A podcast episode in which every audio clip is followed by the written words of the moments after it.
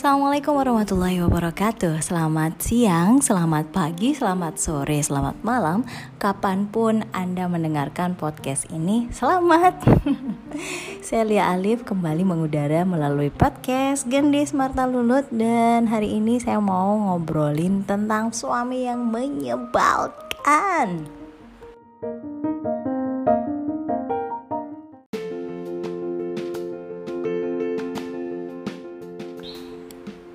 Semua pasti ngerasain ini deh, saya yakin. Suami gak care sama kerjaan rumah, gak care sama anak-anak, atau tiba-tiba belum habis tanggal, suami udah nanya, Bun, uang bulanan udah habis aja, dipakai untuk apa sih bun? Duh, males banget ya. Kemudian ketika kita berapi-api nih misalnya menceritakan kelucuan anak-anak atau e, menceritakan sebelnya tadi habis ditegur tetangga gara-gara anak nangis nggak didiemin. Dan atau mungkin ketika kita menceritakan uh, keadaan orang tua kita di kampung tapi respon suami lempeng aja lurus aja. Hmm. menyebalkan sekali ya. Belum lagi kebiasaan-kebiasaan suami yang masya Allah naruh handuk di gagang pintu lepas kaos kaki di mana-mana, kemudian lupa naruh ID card sehingga sebelum berangkat kerja pasti heboh bun lihat ID cardku nggak bun. Hmm, kayaknya ini semua terjadi pada semua rumah tangga ya. Suami kita makin nyebelin, apalagi kalau misalnya bulan puasa seperti ini kita lagi repot nyiapin makanan, suami diem aja, uh, main HP atau misalnya uh, kasih makan burung atau malah tilawah dan gak berhenti berhenti dari habis asar sampai menjelang maghrib. Anak-anak belum pada dimandiin masakan belum mateng. Hmm, makin sebel. Gue sebel banget sih asli. Nah ibu-ibu sebenarnya suami yang nyebelin itu eh, nggak uh, selalu nyebelin sih menurut kita. Hmm, no no no. I mean like this jadi kadang suami yang nyebelin itu bukan karena dia mau bersikap nyebelin, tapi karena tuntutan kita yang terlalu tinggi atas suami kita. Ya nggak? Kita sih maunya suami itu kalau misal pulang kerja ya langsung mandi, beres-beres, langsung megang anak. Sementara kita rapihin uh, mainan atau selesaikan masak yang tertunda kita tuh mainnya setiap misalnya suami nggak kerja pas hari libur gitu diajakin jalan-jalan atau bergantian anak-anak dipegang sama suami dan kita bisa me time ya kan? Kita tuh maunya suami itu setelah mandi handuk langsung ditaruh di tempatnya. Kaos kaki ditaruh di dalam sepatu dan ditaruh di rak sepatu. Kemudian ID card digantung di tempat di mana dia akan mengingatnya untuk mengambilnya besok maunya begitu, idealnya begitu. Ternyata bun, dia sudah memiliki kehidupan yang jauh lebih lama, sekitar 20 sampai 30 tahun yang lalu sebelum dia akhirnya memutuskan hidup bersama kita selama-lamanya.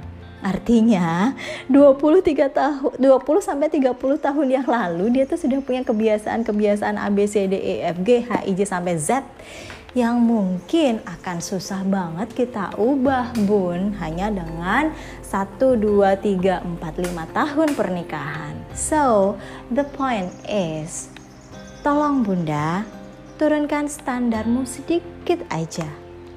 Ya, suami itu ibaratnya tembok rumah, ya kan? Dia itu akan tetap melindungi kita dari panas, dari hujan, dari bahaya debu atau kerikil-kerikil yang berloncatan dari luar terhadap diri kita. Dia akan tegak berdiri lempeng seperti tembok. Ya kan, Bun? Dia dikasih apresiasi, dia tetap tembok. Nggak dikasih apresiasi, dia tetap aja jadi tembok. Kita bilang terima kasih tembokku sayang. Dia tetap adalah tembok kita mau jengkel, kita mau marah sama tembok, mau mukulin tembok, nendangin tembok, dia tetap tembok. Tapi ada satu hal yang bisa kita lakukan, yaitu menambahkan hiasan dinding untuk tembok kita agar tembok kita tampak lebih cantik, memberikan cat warna-warni sesuai dengan keinginan kita supaya temboknya lebih nyaman ditempatin dan ditinggalin bersama anak-anak. Nah, itu adalah hal-hal yang bisa kita lakukan untuk memperlakukan tembok dalam tanda kutip. So, Bunda, sebenarnya apa yang membuat kita sebel banget sama suami adalah tidak adanya apresiasi kita terhadap suami. Suami tuh porsinya ya seperti tembok itu. Ya kan?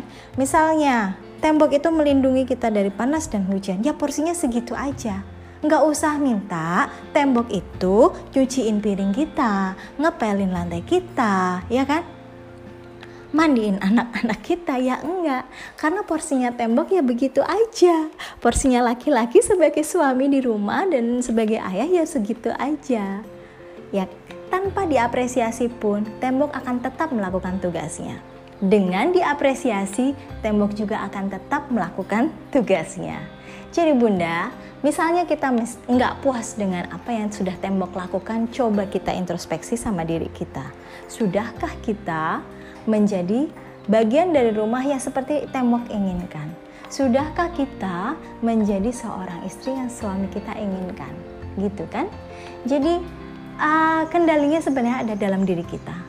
Kita tuh mau ngomel, mau marah, atau mau berterima kasih, mau menyanjung-nyanjung suami, ya suami ya begitu aja. Ya pancet begitu aja, porsinya ya begitu. Bisa kita naikkan porsinya, bisa dengan catatan. Yang pertama, Terima dulu dia bun apa adanya. 20 hingga 30 tahun yang lalu sebelum dia memutuskan hidup bersama dengan bunda adalah seseorang, seorang laki-laki yang sudah memiliki bahkan menemukan jati dirinya aku ini siapa. Lengkap dengan kekurangan dan kelebihan dia. Jadi bunda terima dulu dia apa adanya. Yang kedua, stop pursuing Jangan menuntut pun, stop menuntut suami kita. Karena dengan menuntut, semakin suami kita jauh dari standar tuntutan yang kita minta, semakin streslah kita, semakin menyebalkan dia tuh ya. Kemudian yang ketiga, bicarakanlah. Nanti saya post gambar uh, contoh berbicara dengan suami yang to the point ya. Karena memang seperti kita tahu, uh, suami itu tidak bisa hanya pakai kode-kode. Aduh, lantainya kotor. Terus ngapain kalau lantainya kotor? Langsung bun, ayah tolong sapu lantainya karena ini kotor.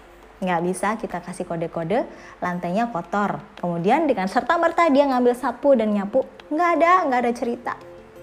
Atau juga misalnya gini nih, saya pernah minta tolong sama suami saya. Bapak tolong uh, beresin mobil-mobilannya ya Oke, mobil-mobilan beres. Tapi di sebelahnya ada Lego, masih berantakan, Bun. Masih berantakan. Instruksi saya adalah untuk membereskan mobil-mobilan, tidak membereskan semua mainan yang ada di lantai. Jadi dia beresin mobil-mobilan dan meninggalkan Lego yang masih berserakan. Tuh cowok seperti itu. Kemudian yang keempat, berubahlah. Berubahlah untuk suami. Jadi setiap kita, saya yakini pasti memiliki kriteria A, B, C, D, E, F, Z tentang suami yang ideal. Begitupun suami kita. Pasti dia sudah memiliki standar A, B, C, dan seterusnya untuk istri yang ideal. Pertanyaannya adalah, kita sudah ideal nggak sih untuk suami kita menurut kriteria yang dia buat? Seandainya kita belum ideal, gali, galilah bicarakanlah seperti yang poin sebelumnya. Kamu pengennya istri seperti apa? Dari situ kita akan uh, ngerti di mana kurangnya kita dan kita akan berubah. Tapi misalnya kita sudah memiliki um, tuntutan atau apa ya keinginan saya pengen suami saya seperti ini, maka lakukanlah hal itu dulu. Saya pengen suami saya menjadi sangat perhatian sama anak-anak Bunda perhatian dulu dong sama suami. Bunda perhatian dulu sama uh, suami dan ajarkan itu, tunjukkan itu kepada suami. Gimana sih caranya perhatian sama suami dan anak-anak sekaligus? Itu jauh lebih ah breathtaking, jauh lebih healing, jauh lebih releasing, jauh lebih mudah untuk kita menerima. Dan Bunda akan lebih mudah menjalani hari-hari bersama suami yang menyebalkan itu. Jadi bunda, sebenarnya yang menyebalkan itu suami kita atau persepsi dalam otak kita. Terima kasih. Saya Lia Alif. Wassalamualaikum warahmatullahi wabarakatuh.